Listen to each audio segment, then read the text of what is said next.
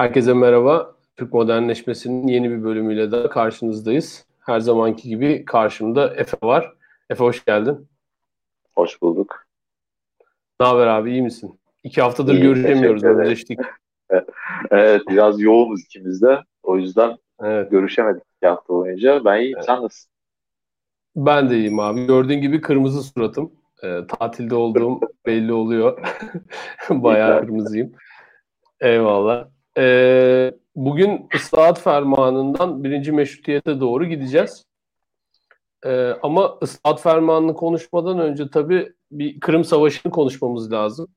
E, onun hem içeride hem de uluslararası ölçekte ne anlama geldiğini konuşmamız lazım ki ıslahat fermanını anlamlı bir e, çerçevede konuşabilelim. E, istersen sen başla Kırım Savaşı ile ilgili. Sonra da heh, beni görebiliyor musun? Bir internetim sanki gitti geldi ben ama. görüyorum seni. Ben görüyorum. Ha. Ben de sıkıntı yok. Ha tamam okey bir sıkıntı yok. Eyvallah. ee, Kırım Savaşı ile başlayalım. Niye çıktı bu savaş? Ne oldu? Şimdi temeldeki problem şu, e, Ruslar hani bir şekilde güneydeki e, Osmanlı'nın iç işlerine önce müdahale etmek, ondan sonra da işte bir şekilde onun topraklarını ele geçirerek Akdeniz'e açılmak istiyorlar. Yani adamların temel derdi bu aslında. Bunu da kullanmak için Osmanlı'nın çok büyük bir Ortodoks nüfusu var. E, ve Bizans İmparatorluğu ortadan kalktıktan sonra Ortodoksların e, hamisi durumunda olan devlet Rusya. E, Ruslar bunu kullanmak istiyorlar işte hani siz e, içinizdeki azınlıklara kötü davranıyorsunuz. Biz bunlara kötü davrandığınızda işte sizi uyaracağız, edeceğiz falan filan diye bir şekilde hani Osmanlı sürekli iç işlerine karışmak istiyorlar. E, tabii en temel şeylerden biri işte hem e, İstanbul'daki e, Rum Ortodoks Patrikliği ve e, Kudüs. Kudüs'te her mezhebin kendine ait e, özel alanları var. Bunlar da işte doğal olarak dini çatışmalar çıkıyor sürekli. O dönem çünkü o mezhepler arası kavgaların e, yoğun olduğu bir dönem. Bunlardan bir tanesini bahane ederek e, Osmanlı'ya nota veriyorlar aslında. Daha sonrasında da işte bu bizim hep duyduğumuz Eflak ve Boğdan vardır ya işte bu Romanya'nın parçaları. E, orayı işgal ediyorlar. Osmanlı bunların e, bu işgali hukuksuz bulduğunu ve işte 15 gün gibi bir süre veriyoruz diye bu süre dahilinde çıkmazsa eğer e, Rus orduları e, bu bölgeden e, savaş ilan edeceğini söylüyor ve ondan sonra da savaş başlıyor diyebiliriz aslında. Evet. Ee, Avrupa Avrupa'nın uzun süredir gördüğü bir e, Avrupa Savaşı'na dönüşüyor kısa bir süre içinde. Evet. Ee, yani ilk Dünya Savaşı diyenler var mesela.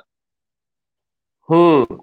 Ee, yani şöyle tabii şimdi e, 1815 Viyana Kongresi'ne giden Napolyon'un çılgınlıkları dolayısıyla e, kıtanın yerle bir olması halinden sonra bir kongre yapıyorlar Avrupalı büyük devletler ve işte Viyana Kongresi diye ünlüdür. Hatta uluslararası ilişkilerle e, ilgilenen herkesin de geleceği bir e, kongredir. İşte orada e, Avrupalı devletlerin her meseleyi savaşarak değil de daha fazla oturup konuşarak çözmeleri gerektiği üzerine de bir kanaat getirilir ve işte belirli aralıklarla toplanacağız ve e, meseleleri konuşacağız diye bir e, karar çıkartırlar. E, ondan sonra da belirli bir stabilizasyon sağlanır Avrupa'da yani ta ki işte bu Kırım Savaşı'na kadar. E, hatta işte bu balance of power denilen e, teoride e, Avrupa'nın e, Viyana Kongresi'nden sonra ciddi bir balansa oturduğunu ve onun bozulmasının e, ancak işte böyle Rusya gibi bir ülkenin e, düzeni bozmaya çalışmasıyla dağılabileceğini söylüyorlardı. Hakikaten de öyle oluyor. E, Rusya kendisinin modernleşme sürecinin verdiği özgüveniyle birlikte e, daha da ilerilere götürebilmek için kendisini e, iki tane seçeneği var. Yani ya işte e, Avusturya Macaristan İmparatorluğu'na e, dalacak diyeyim ya da işte Osmanlı'nın bulunduğu coğrafyaya girecek. E, ve Osmanlı'nın coğrafyasını e, tercih ediyor. Çünkü işte oradaki Slavları falan da çok kışkırtabilme potansiyeline sahip. Dediğin gibi Ortodokslar üzerinde çok ciddi e, etkisi var. Ve onu bir kullanmaya... de şey de var orada e, Avusturya Macaristan'la aslında müttefiklik ilişkisi de var yani. Hani Avusturya Macaristan'ı mesela direkt olarak karşısına almak istemiyor çünkü onun da karşısında Prusya gibi bir güç var. Prusya da hani Rusya'yı tehdit eden bir kuvvet o dönemde. O yüzden Avusturya Macaristan'a evet. ilerlemekten çok Osmanlı'ya ilerlemeyi tercih ediyor.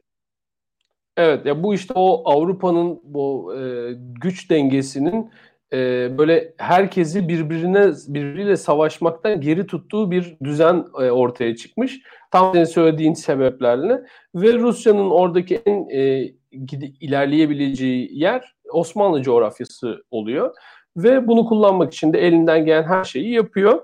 E, tabii şimdi Ruslar e, ya bu Ortodoksların koyucusu biziz size bunu kabul ediniz dediğinde bu tamamen bir e, aslında Osmanlı Devleti'nin egemenlik haklarına saldırı oluyor ve Osmanlı da tabii bunu kabul etmek istemiyor ve savaşa e, gidiyor iş ve e, Osmanlı orada daha önce de konuştuğumuz o e, belirli bir e, bürokrasi oluşturmuş, belirli bir yere kadar da onu getirebilmiş e, dış ilişkilerde gücü, askeri gücü zayıf olduğu için işini diplomasiyle çözmeye çalışan bir ülke haline gelmiş. Ve burada Rusya'nın o e, ilerlemesinin Avrupa için nasıl bir tehlike oluşturduğunu Avrupalı devletlere de e, güzelce anlatarak diyelim. Avrupalılar da zaten tabii bunun farkında. Yani Fransa, İngiltere, e, Prusya, Avusturya, Macaristan bunların da e, hala o temsilcilikleriyle sonradan bu iş tatlıya bağlanıyor zaten. Tatlıya bağlanıyor dedim. Savaş sonrasındaki Paris konferansında e, bu meseleye o ülkelerin hepsi dahil oluyorlar. E, çünkü hani e, Osmanlı o sick man of Europe yani hasta adamı Avrupa'nın ve oradaki herhangi bir dağılma durumu bütün Avrupa'yı etkileyecek büyük bir savaşa e, sebep olabilir. Tabii hepsi bunu engellemek, bundan kaçınmak istiyorlar. Ve e, Osmanlı'yı ayakta tutabilmek adına Ruslarla savaşa girmeyi kabul ediyorlar ve hatta çok da ciddi e, kayıplar veriyorlar. Daha şeye girmeden önce konuşmuştuk. E, ne demiştim? Fransızlar çok ciddi bir Fransızların e, yaklaşık 300 bin asker getiriyorlar. Bu 300 bin askerin e, 100 bini işte ya ölüyor ya hastalanıyor ya işte sakat kalıyor. Yani 100 bin zayiatları var. E, Osmanlı'nın e, asker sayısı 150 bin civarında. E, Osmanlı zayiatı mesela 40 bin. E, evet. Yani hani savaşın ana e, ülkesi Osmanlı normalde ama Osmanlı'nın kaybından daha çok Rus şey e, Fransız kaybı var mesela. Ki hani işte başarılı olan taraf, Kırım Savaşı sonucunda savaşı kazanan taraf biziz yani. Ona rağmen çok büyük kayıplar var. Evet, ve İstersen yani biraz savaşı bu savaşa şunu söylemek mi? istiyorum ha. abi. Ha şöyle e, şunu söylemek istiyorum. Bu e, öyle bir durum yaratıyor ki bu Avrupalı devletler şimdi Osmanlı'ya destek veriyorlar. Ama Osmanlı en nihayetinde bir kamuoyu var bu ülkelerin, İngiltere'nin, Fransa'nın artık belirli bir kamuoyunun da bir gücü var, etkisi var. Ee, şimdi bir yandan Hristiyan bir ülkeye tırnak içinde işte Ruslara karşı Müslümanları destekleyerek bir iş yapmışsınız. Ee, ondan sonra sizin kamuoyunuzda şey baskısı oluşmaya başlıyor. Yani tamam okey de e, o Osmanlı'nın yönetimi altındaki Ortodoks kardeşlerimiz ne olacak yani? Böyle bir e, şey oluşmaya başlıyor, kamuoyu oluşmaya başlıyor ve İngiltere'de, Fransa'da da bu kamuoyuna uygun şekilde hareket etmeye çalışırken de e, Osmanlı'yı bir e, reforma doğru itiyorlar. Bunu daha sonra geleceğiz. İstersen e, şeyden bahsedelim. Sonrasında ıslahat parmağında bu dış baskının etkisinden e, bahsederiz yine. Ee, şimdi savaş aslında hani bahsettiğim gibi o Efrat Boğdan'a girmeyle e, başlıyor. E, İngiliz ve Fransızlar en başta Rusya'yı korkutmak istiyorlar. Yani hani bir şekilde biz Rusya'yı bu işin savaşla hallolmayacağına ikna edelim. Daha sonrasında e, bakarız yolumuza diyorlar. İşte Charlemagne geliyor mesela. O dönem e, Fransız donanmasının bayrak gemisi. E işte bugün mesela nasıl biz Doğu Akdeniz'de işte Yunan, Yunanistan'la e, aramız bozukken Fransızlar yok Fransızlar uçak gemisi gönderdiler ya. E, ha, o dönemin ha. uçak gemisi yani hani Charlemagne'da. Charlemagne geliyor bir Karadeniz'de tur atıyor falan filan böyle.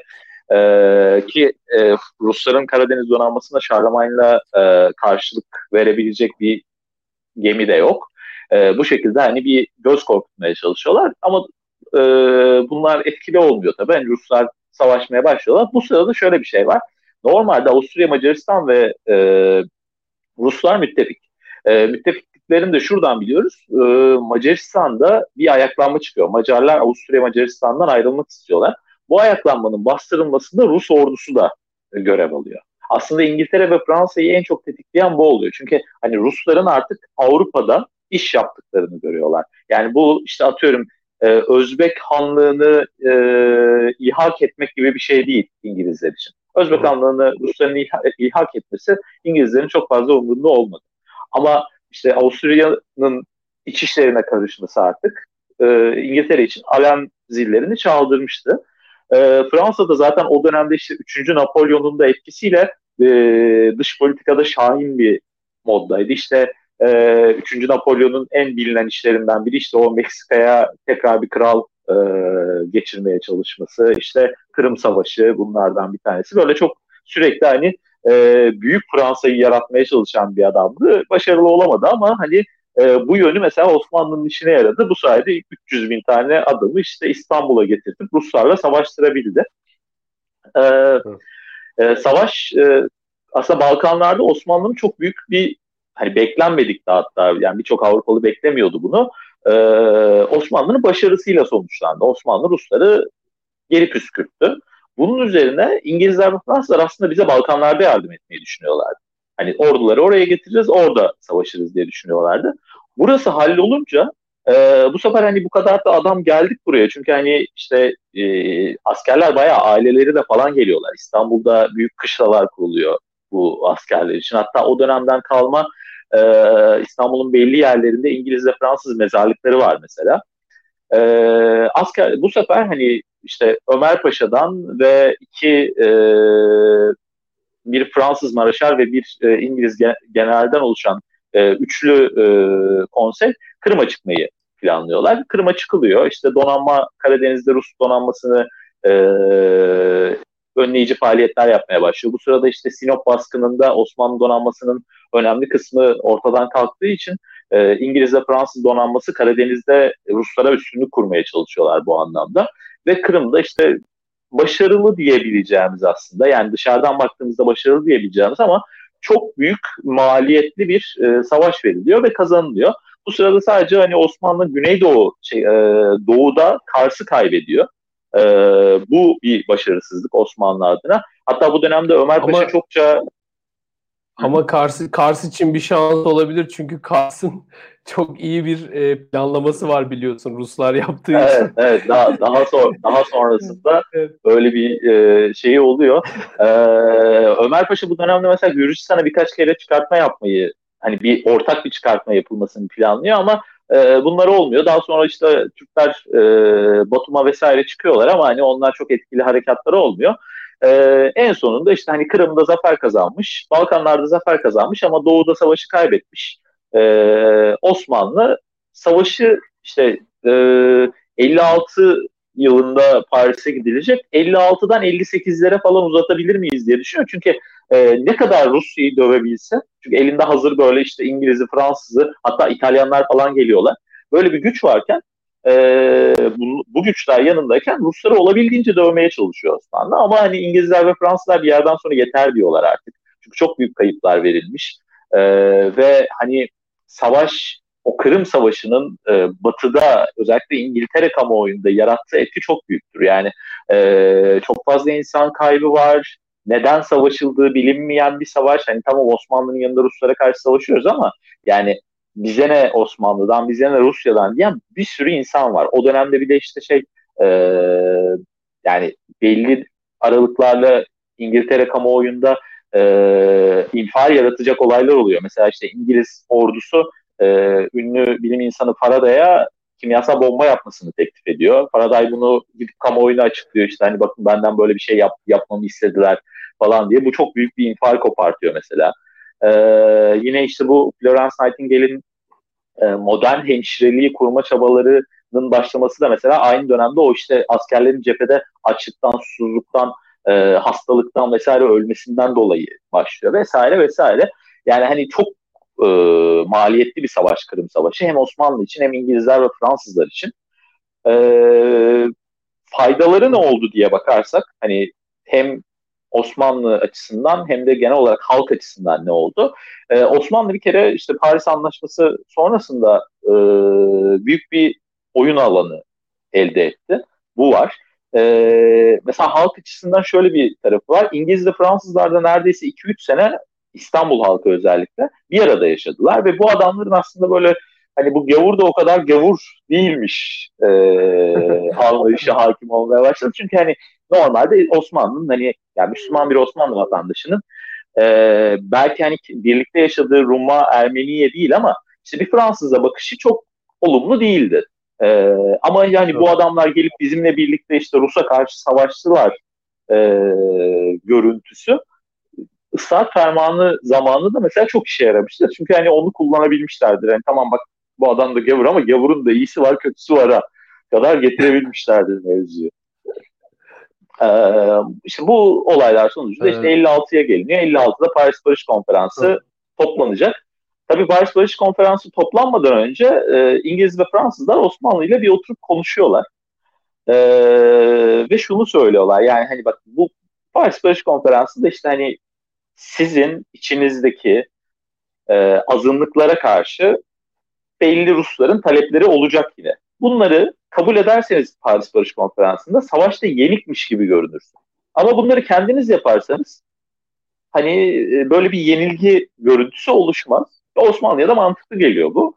E, Tanzimat de, Fermanı'nın aksine Aha. Bir de bizi de sürekli uğraştırmazsınız diyorlar herhalde. Yani. Çünkü evet, her başınız evet. sıkıştığında gelip Rusya ile uğraşacak değiliz yani. Bir de öyle bir durum var.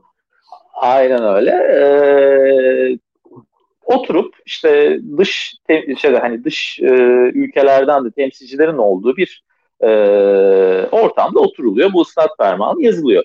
Bizde bu dış etki tarafı çok konuşulur. Yani hani işte böyle yaptılar, şöyle yaptılar, işte İngilizler zorladı, Fransızlar zorladı falan diye ama aslına bakarsan ıslat fermanının tanzimat fermanını tamamlamak dışında böyle çok yeni söylediği fazla da bir şey yok. Yani hani işte mesela e, Tanzimat Fermanı'nda da e, vatan, eşit vatandaşlık ilkesinden bahsedilir. Islah Fermanı'nda sadece bunu daha realize ediyor. Yani tamam eşit vatandaşız ama şöyle eşit vatandaşız diyor. Mesela işte evet. e, verginin herkese eşit uygulanması bundan sonra. Herkesin askere alınması, herkesin memur olabilmesi gibi e, daha hani günlük hayatta uygulanabilecek şekilde kurallar getiriyor Üstad Ferman. Temelde aslında Ama... e, çok çok hani aykırı bir e, ferman değil Tanzimat Fermanı'nda.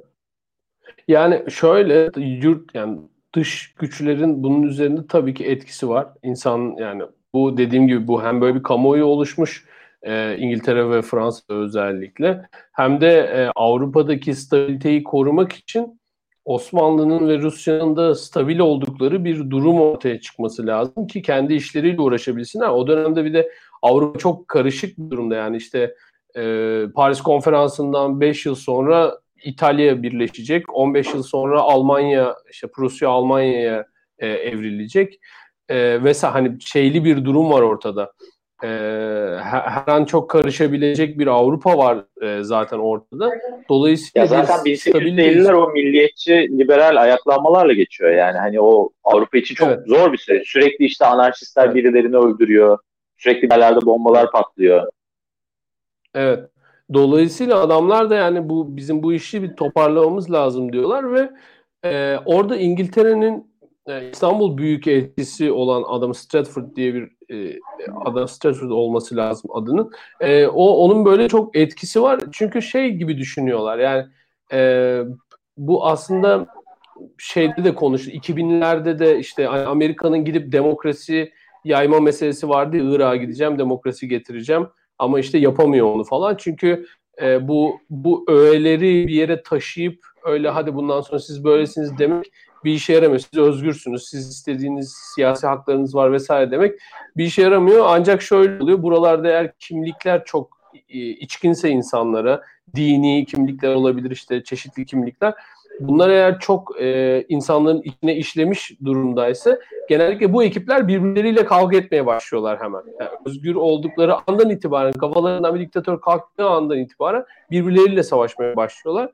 E, ıslahat fermanının da işte bu dış etkilerle e, aslında bir yandan hani ya biz tam böyle bir şey yaptık da sizin sürekli bu Ortodoks meselesini kaşıdıkça Rusya biz her seferinde bununla uğraşacak değiliz.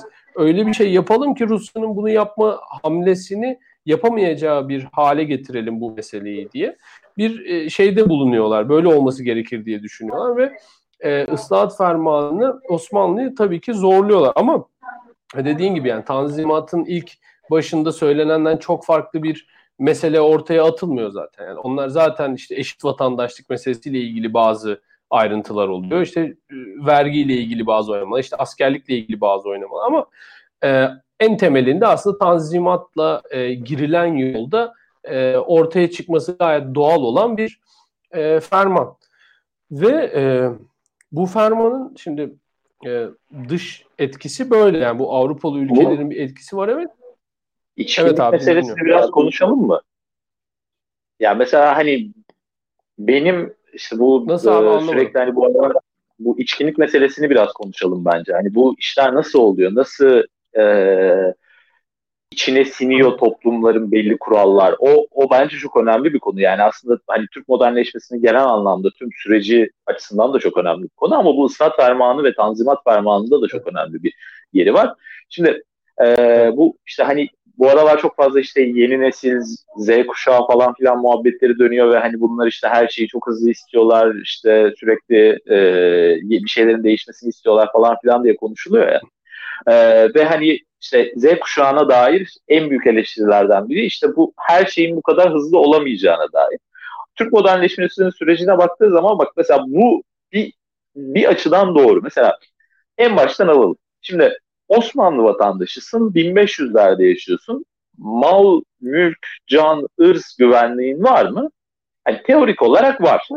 Hani baktığınız evet. zaman var yani. yani olması lazım. Ama evet. her zaman bu sağlanıyor mu? Sağlanmıyor. Ee, tanzimata geliyoruz. Tanzimatta işte hani bu kesin garanti altına alınıyor. Tamam mı? Hele ki işte devlet memuru falansan yani yüksek bir memursan kardeşim bak biz seni öldürmeyeceğiz. Yanlış bir şey yapsan da maksimum görevden alınacaksın. Hani vatana ihanet falan filan olmadığı sürece de. Islah fermanına geliyoruz. Mesela ıslah fermanının bence en önemli maddelerinden bir tanesidir. Bir adam suçlu olsa bile mesela sen birini öldürdün. Tamam mı? Normalde eskiden malına mülküne el koyardı devlet. Böyle bir yetkisi vardı. Islah fermanı mesela bunu da kaldırıyor. Eğer cezası hani mesela hırsızlık yaptın onu tanzim edecek kadar bir mal, malını alıyorlar ama mesela işte cinayet işledin ve idam edileceksin. Malına el koymuyor devlet. Malın mülkün çocuğuna kalıyor. Devam ettiriyor, ettirebiliyorsun onu. Bugün dahi baktığımızda mesela hani ee, mesela hala toplumun radikal bir kesimi işte bir insan suç işlediyse onun malına mülküne el koymayı normal buluyor. Bak hala hala belli bir yerlerde hani oturmamışlık var mesela. Atıyorum mesela Tanzimat Abi, Fermanı'nın eşine, getirdiği Hı-hı. eşine, çoluğuna, çocuğuna el koymayı bile meşrulaştıranlar var yani. Ha, mesela, mesela evet doğru söylüyorsun maalesef. Ee, ya da mesela işte şey e, temel konulardan bir tanesi yine gayrimüslimlerin e, memur olması. E, asker askere katılması mevzusu. İşte e, bizim mesela işte Ermeni Dışişleri Bakanımız da var. Osmanlı döneminde. Ama mesela bugünden baktığınız zaman işte mecliste kaç tane Yahudi, Ermeni, e, Rum vekil var? Az yani hani tamam Türkiye'deki bu azınlıkların sayıları da yıllar içerisinde azaldı ama yani hani baktığınız zaman daha fazla olmasını beklersiniz. Veya mesela işte orduda Ordu'da mesela Osmanlı döneminde işte tanzi, Tanzimat'tan sonra artık bir yavaş yavaş şekillenmeye başlıyor o düşünce ama ıslahat fermanıyla başlıyor işte gayrimüslimlerin orduya katılması. Ee, bugün baktığımızda hala mesela orduda yüksek rütbeli bir gayrimüslim var mıdır? Yoktur. Hatta şey olmuştu. E, bundan bir 5-10 sene önce bir tartışma olmuştu işte. Alparslan Türkeş aslında Türk değildir falan filan diye bir tartışma e, dönüyordu. O dönem çok meşhurdu hatırlarsın böyle hani işte şu Türk değil bu Türk değil falan filan diye böyle çok konuşulurdu.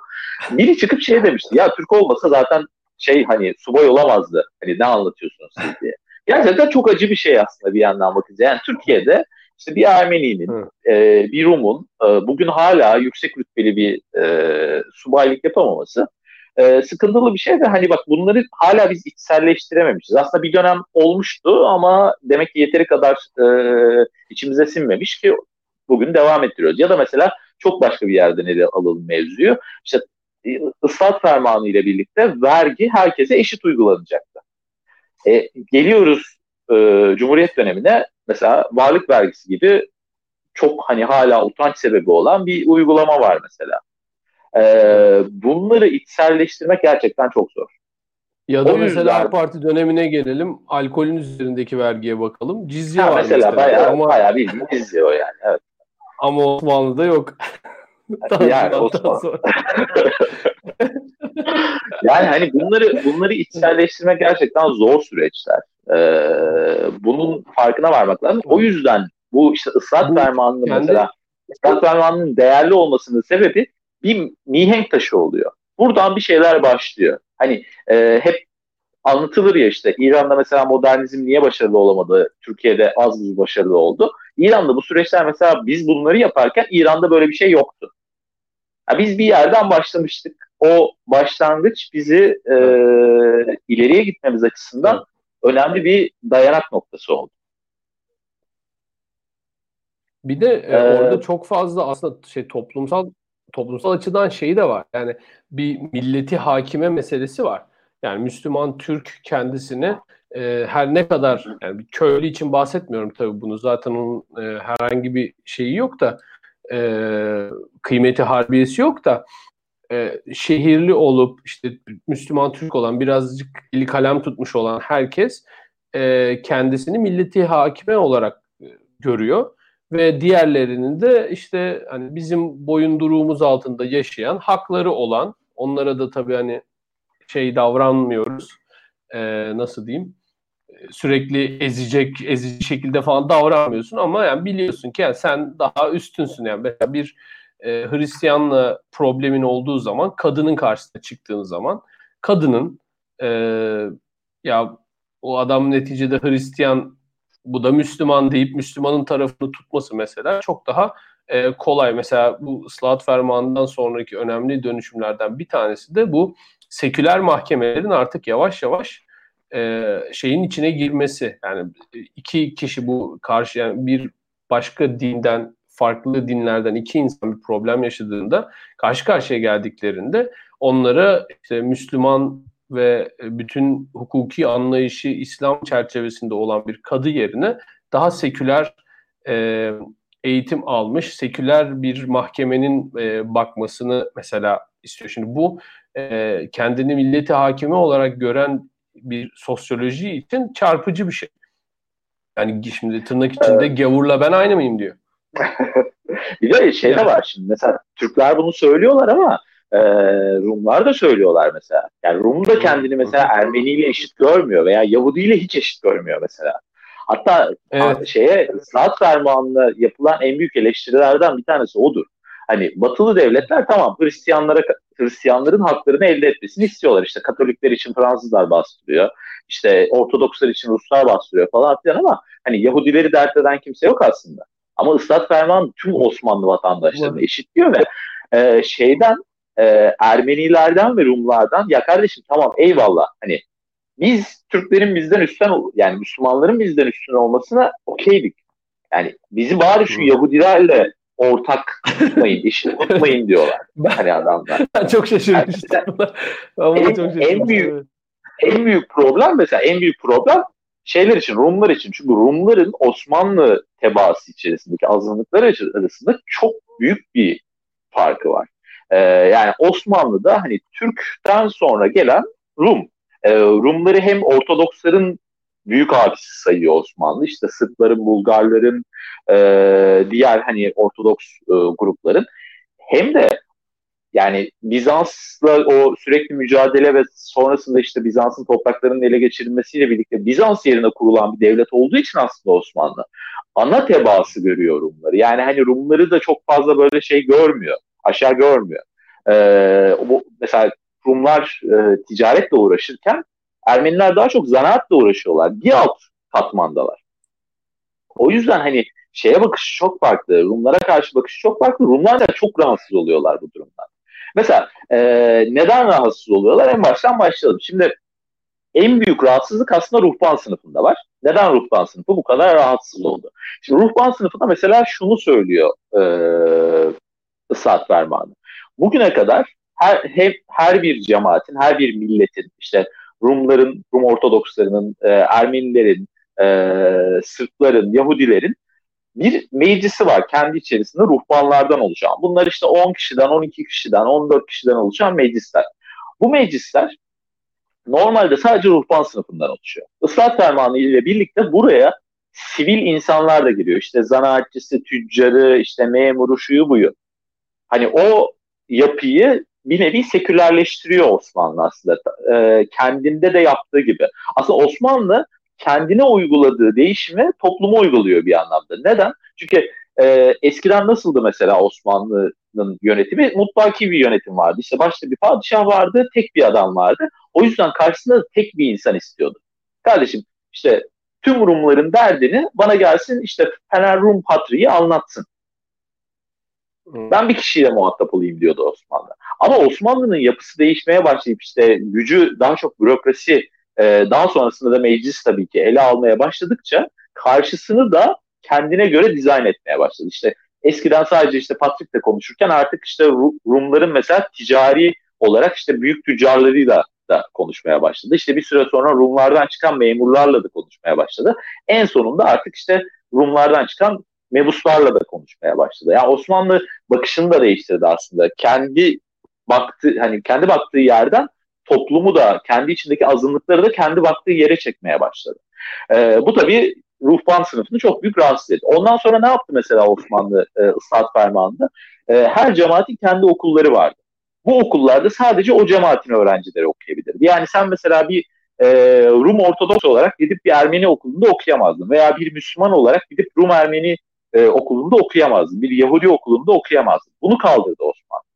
E, bunlar tabii yine devlet tarafından denetlenen belli müfredatları uyguluyorlardı ama e, okullar arasında geçişlilik başladı. Bu neye sebep oldu? Ruhban sınıfının bir kere daha gücü kırılmış oldu. Niye? Çünkü o güne kadar eğitimin tüm kontrolü ruhban sınıfının elindeydi. Yani evet. siz bir Ermeni olarak ruhban sınıfıyla iyi geçinmediğiniz sürece mesela iyi bir eğitim alamazdınız en basitinden. Ama şimdi işte bir Ermeni çocuğu kendi işte e, dini otoritesinden rahatsızsa eğer gidip bir Amerikan Ortodoks veya işte bir Fransız Katolik okulunda da okuyabilir. E, veya bir Müslüman çocuğu işte Fransızca iyi bir Fransızca eğitim almak istiyorsa gidip bir e, Katolik Fransız okulunda okuyabilir hale geldi. Bu Osmanlı açısından Osmanlılık, Osmanlı vatandaşlığını yaratma açısından çok büyük bir e, atılım aslında ve o dönem için e, yani insanların gerçekten korkuyla yaklaştıkları bir düşünce bir yandan. Bir yandan da Osmanlı'ya çok büyük avantaj sağladı tabii ilerleyen dönemde. Ama mesela o dönemde şeyler de var. E, buna itirazlar da var Osmanlı içinden. Hem işte dediğim gibi bu ruhban sınıfın içinden hem de işte bürokrasiden de hani biz fazla şey mi yapıyor, fazla mı ileri gidiyoruz diye düşünenler de var. Mesela işte en büyüğü e, Mahmut Reşat Paşa. Yani hani işte Tanzimat'ın önemli e, paşalarından biri olmasına rağmen ya kardeşim bak siz bunları yaparsanız Müslümanlar isyan eder e, noktasına kadar geliyor. E, ki oluyor da yani mesela işte Cidde'de büyük bir ayaklanma çıkıyor işte e, Balkanlarda birkaç ayaklanma çıkıyor. Yani insanlar istemiyorlardı bir yandan yani Müslümanlar özellikle özellikle şehirli olmayan Müslümanlar e, hani gavurla biz ortak olduk bak çünkü burada temel bir şeriatla çatışma var. İslam şeriatının belli kuralları var. Siz o kuralları artık geçersiz kılıyorsunuz Osmanlı Devleti olarak. Bu taşrada yaşayan, hele ki hani Türk ulus bilincine sahip olmayan ki yani o dönem çok böyle hani bir ulus bilinçten söz edemeyiz Türkler için özellikle Osmanlı'da. Bir insan için çok büyük bir e, travma. Ve bu travma sonucunda da işte hani isyanlar çıktı. Ee, Arap vilayetlerinde daha çok çıktı. Ee, ve bu büyük bir sorun yarattı mesela. Ama tabii hani Osmanlı bunları bir süre sonra bastırdı. Onları ortadan kaldırdı. Ee, buradan istersen şeye bağlayalım. Ee, hani bu ıslahatlar nasıl yapılmaya başladı? Nerelerde problemler çıktı? Neler oldu? Onları biraz konuşalım. Ee, şöyle abi, e, benim bu bu meseleyle ilgili e, en çok ilgimi çeken şey aslında bunun e, bizi birinci meşrutiyete ta, doğru götüren tarafı. Yani bir artık bir e, fazlası için bir arzu e, haline geliyor bu bu mesele. Yani evet biz ıslahat fermanı işte yeni aslında yani bu o kadar da böyle iç talep dolayısıyla ortaya çıkmış bir şey değil ıslahat fermanı dediğimiz gibi. Yani genelde o dış baskının bir neticesi olarak ortaya çıkmış ve kendi iç karışıklıklarını çözmek için belki bir e, kurtarıcı olarak daha liberal fikirlerin benimsenirse bunu kurtarıcı olunabileceğiyle ilgili bir e, şey olmuş ve bu e, belirli bir e, bir, bir, bir taban oluşmasına sebep oluyor yavaş yavaş. Yani şimdi bunu tabii ta eğer 3. Selim'den bu yana doğru e, bir düşünürsek e, hem giderek daha fazla insan okur yazar hale geliyor. Daha fazla sanayi girişimi olmaya başlıyor. İşte daha, her modernleşme sürecinin çarkları e, işlemeye başlıyor Osmanlı'da ve artık işte bir ıslahat fermanı dönemine geldiğimizde e, belirli bir seviyeye gelinmiş. Yani e, şey gibi değil, 3. Selim dönemi gibi e, ölü bir e, toplum yok. E, ama bu, bu nasıl bir ezan kanka bu hoca hoca evin içinden okuyor gerçekten. e, e, ve e, şimdi fermanın ferman sonrasında e, daha önce de hani söylediğimiz gibi toplumsal bazı e, problemler ortaya çıkmaya başlıyor. Bir de e, aslında bunu şey üzerinden de konuşmak lazım. Yani Osmanlı'nın merkezileşmek için yapması gereken bir hamle aslında bu. Yani siz merkezi devleti kurduğunuzda, bir gücü topladığınızda e, patrikhanelerin güçleri sizin için problem olur, işte müfredatlar problem olur, her türlü çeşitlilik merkezli gücü toplamak isteyen bir mekanizma için problem haline gelebilir.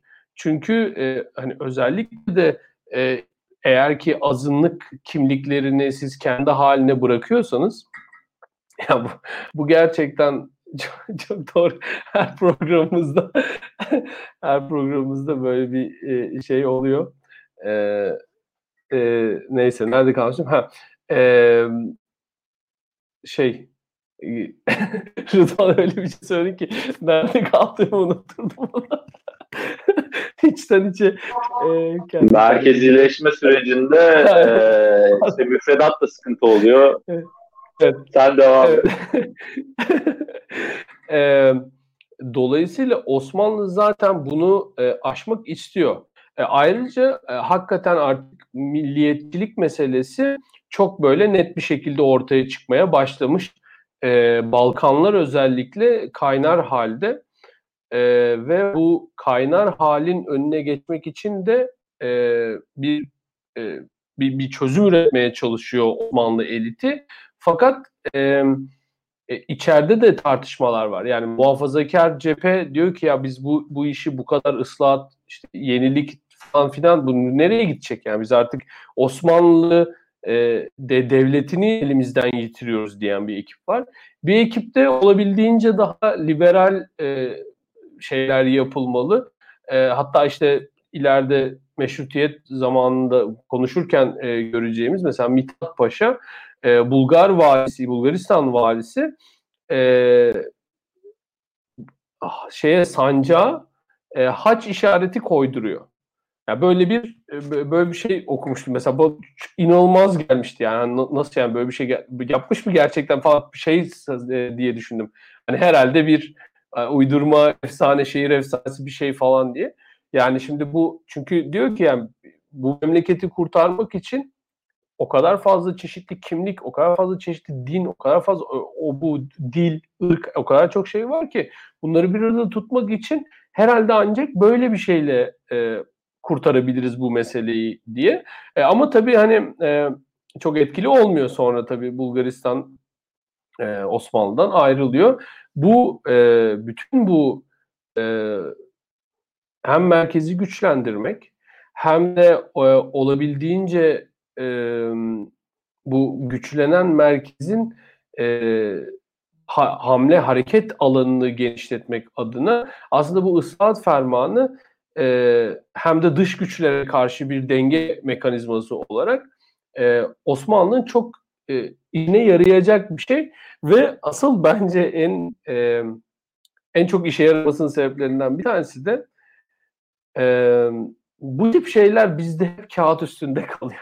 Yani yani devlet e, ya biz bunu yapacağız şöyle böyle deyip bir şey koyuyor ortaya ve ondan sonra ne kadar işine gelirse o kadarını yapıyor. Ne kadarı onun e, çıkarlarını biraz zedeleyecek gibi olursa hemen e, oradan kaçıyor. E, ve en nihayetinde de bu tip meseleler başarısız oluyor. Yani mesela şimdi gelip diyorlar ki işte e, batılı devletler bunu bize dayattığı için mi acaba bu bu şeyler bunlar e, başarısız oldu? Yani aslında pek de öyle değil. Yani ya devletin yeterli e, arkasına yeterli eforu koymaması dolayısıyla bir problem olabiliyor. Bazen sosyoloji ona hazır olmuyor. Yani işte Irak'taki Amerikan e, şeyi gibi müdahalesi gibi. Bazen sosyoloji ona hazır olmuyor. Bazen bu bunları yapamıyorsun. Bu zaten böyle e, çok uzun yıllardır üzerine konuşulan bir e, şeydir, tartışmadır. E, bu e, Norman Angel Angel diye yazılıyor, Angel diye okunuyor sanıyorum. Adı adam da İngiliz.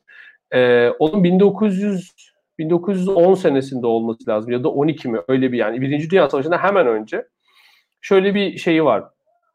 Ee, bugün ekonomiler çok iç içe geçti. İşte insanlar özgürlüğünün değerini biliyor. İşte vesaire vesaire. Bu liberal değerler dolayısıyla bunun dünyada yayılmış olması dolayısıyla artık savaş olmaz diyor büyük ihtimalle.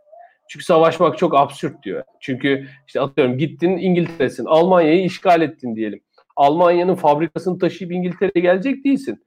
E, orada üretim yapsan, orada aşırı vergi alsan savaşın tazminatını şey yapmak için, e, karşılamak için bu sefer Almanya'daki hem pazarını aç bırakacaksın hem çalışanını aç bırakacaksın, işçini aç bırakacaksın. Saçma sapan bir şey. Bunun hiçbir anlamı olmaz diyor. Ee, işte ondan 3-4 sene sonra Birinci Dünya Savaşı gibi bir şey patlıyor. Ee, Osmanlı'nın e, şeyi de ıslahat fermanını da ben biraz ona benzettim. Yani ya yapalım evet bu iyi de olabilir bizim de işimizi işimize gelir diyorlar ama en nihayetinde elde e, bir şey çıkmıyor. Şimdi biraz istersen neden başarısız olduğunu konuşalım. Okay. Saat sende başladı herhalde. Ha, evet. ben, ben, ben, ben Altınoluk'tayım. Ee, Ezan'ın şeyi Aa, bana geldi herhalde. Arada dakika farkı var. evet abi ben Şimdi, kapatıyorum. Sana bol şans ıslahat fermanı neden başarısız oldu? Biraz da onu konuşalım. Ee, aslında süreç işte 50'lerde başlayan süreç e, 60'lara kadar işte yavaş yavaş işte yan kanunların geçirilmesiyle e, işte bu sürecin özellikle vergi kısmının halledilmesiyle Tanzimat Fermanı'ndan beri aslında bu vergi konusu Osmanlı için önemli bir mevzuydu ama asıl hani modern anlamda devletin işleyişine uygun bir şekilde vergi alınmaya başlaması ıslat fermanından sonra başlıyor. Ee, bunların halledilmesiyle geçti ve belli oranda da yapıldı aslında. Yani hani işte e, gayrimüslimler e, yavaş yavaş orduya alınmaya başladı. Tabii bunların birçoğu muharip e, olan işte bölgelerde değil de daha çok işte arka planda e, çalıştılar. E, levazım subayı oldular işte e, veya işte inşaat işlerinde çalıştılar vesaire vesaire veya işte e, haritalarla uğraştılar.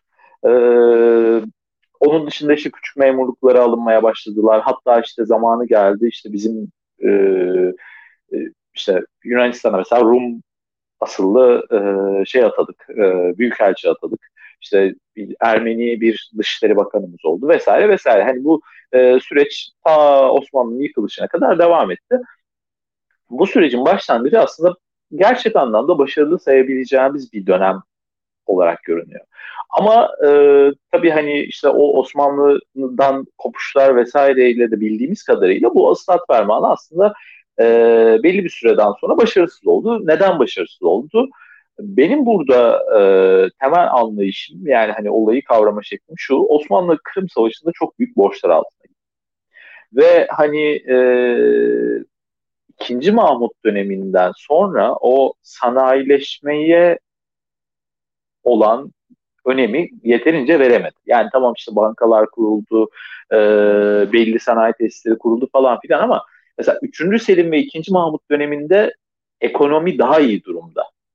Ee, biz Kırım Savaşı'nda hem çok büyük bir işte o savaş yükünün altına girdik hem de o ekonomik gelişmeyi sürdüremediğimiz için Osmanlı bütçesi yavaş yavaş artık hani şey kurumaya başladı o bizim işte 1914'te e, savaşa girmeseydik işte memura maaş verecek paramız yoktulara gelmeye başladığımız dönem aslında bu Kırım Savaşı. Kırım Savaşı'nda biz hem böyle büyük e, borçların altına girip hem de ekonomiyi toparlayamadığımız için ilerleyen yıllarda bizim aslında e, ta 3. Selim'den beri gelen o modern ordu sürecimiz sekteye uğradı. E, normalde işte Osmanlı'nın herhangi bir yerinde bir e, isyan olduğu zaman e, parala e, her ay düzenli olarak maaş alan, e, her ay düzenli olarak eğitim gören profesyonel askerler gider ve oraya müdahale eder. Profesyonel askerlerin müdahalesi tabii ki hani işte bir e, milis kuvvetin müdahalesine göre çok daha tırnak içinde söylüyorum insancıl oluyor. E, 1960'larla birlikte işte bu hem e, Kafkasya'daki Müslümanların işte Çerkezlerin, Çeçenlerin, Ahıskaların vesaire e, Anadolu'ya ve Balkanlara göçmesi e, hem de Osmanlı'nın bütçesindeki o büyük açık e, büyüyerek devam ettiği için Osmanlı isyanları bastırmak için bu işte e, Kafkaslardan göçen ve işte belli yerel kuvvetlerden alınan milisleri kullanmaya başladı. E bu milisler de tabii işte hem hayatını kazanabilecek bir para almıyorlardı doğrusu. Yani devletten çok küçük bir e, yaşa alıyorlardı ama hani asıl kaza, para kazandıkları şey işte e, atıyorum bir Bulgar köyünde isyan çıktığı zaman gidiyorlardı. O Bulgar köyünü yakıp yıkıyorlardı. Orada işte köyleri yağmalıyorlardı. İşte orada öldürdükleri insanlardan, isyancılardan birkaç işte bir şey alıyorlardı, götürüyorlardı. Onları bir yerlerde satıyorlardı. Bu şekilde hayatta tutunuyorlardı. Bunlar zaten işte birçoğu dediğim gibi Kafkas göçmeni e, veya işte o yerelde şeyi olmayan, emla olmayan, işte malı mülkü olmayan insanlar olduğu için e, bunların bir gelecek beklentisi de olmadığı için hayata tutunabilecekleri tek nokta buydu. Osmanlı da bunu kullandı. Ama bu çok büyük bir yanlıştı. Yani Osmanlı'nın o işte süre gelen modernleşme sürecinin de, süre gelen modern ordu sürecinin de e, sekteye uğramasına sebep oldu. Osmanlıcılığı bitiren şey bence hani en önemli şey de budur bana göre. Çünkü mesela baktığın zaman işte e, Kırım Savaşı'ndan önce Ruslar e, Bulgarları mesela ayaklandırmaya çalışıyorlar ama beceremiyorlar. Bulgarlar ayaklanmıyorlar.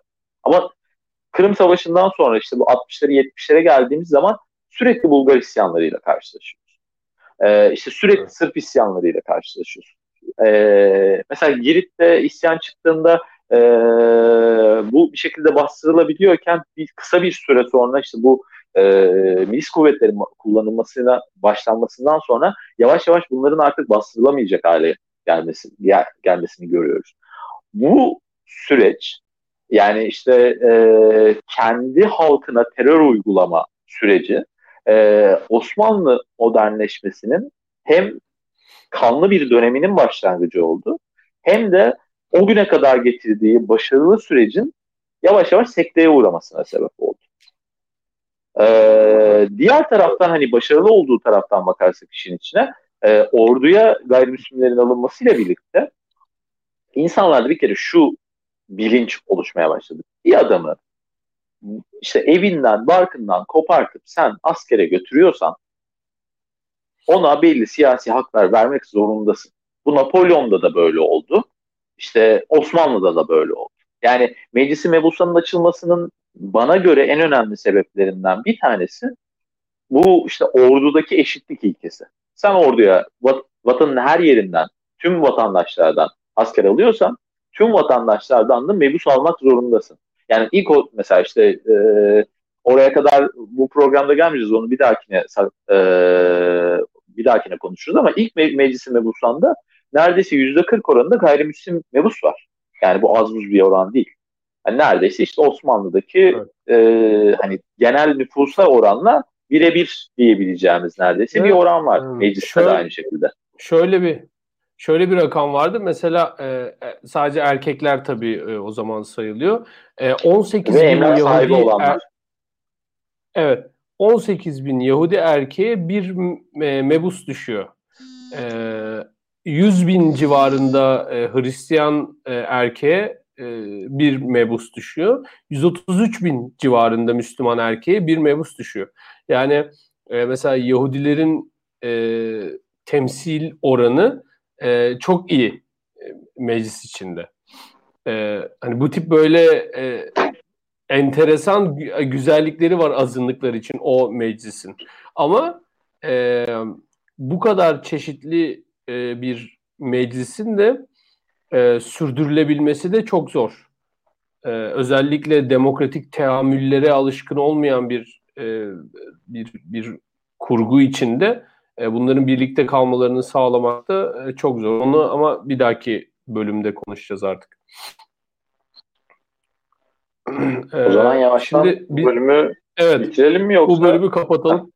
Bu bölümü kapatalım çünkü 50 dakika oldu. Şimdi konuşmaya başlasak ne meşrutiyeti ne kanuni esasıyı konuşabileceğiz. Ee, Aynen. O yüzden bir dahaki bölüme bırakmak çok daha makul geliyor. Sizin orada tekrar mı okuyorlar abi? Yine Evet. evet. Abi inanılmaz ya. Biz Demek yayına başladığımız anda bilmiyorum artık. Açılışı ya da öğrencilerden bir tanesi geç kaldı herhalde. Aa, müthiş ya. Ee, abi e, o zaman kapatalım. Ee, tamam abi. Ezan'da daha daha e, fazla e, programı ele geçirmeden e, teşekkür ediyorum. Ağzına sağlık. E, bugün Üstad Ferman'ı konuştuk. Etraflıca etraflıca konuşmaya çalıştık. Umarız e, dinleyicilerimizin de hoşuna gitmiştir. E, ezan sesleriyle, Allahu Ekberlerle size e, veda ediyoruz. E, Efe söylemek istediğim bir şey yoksa kapatıyorum abi. İyi akşamlar abi görüşürüz. İyi akşamlar görüşürüz. 嗯。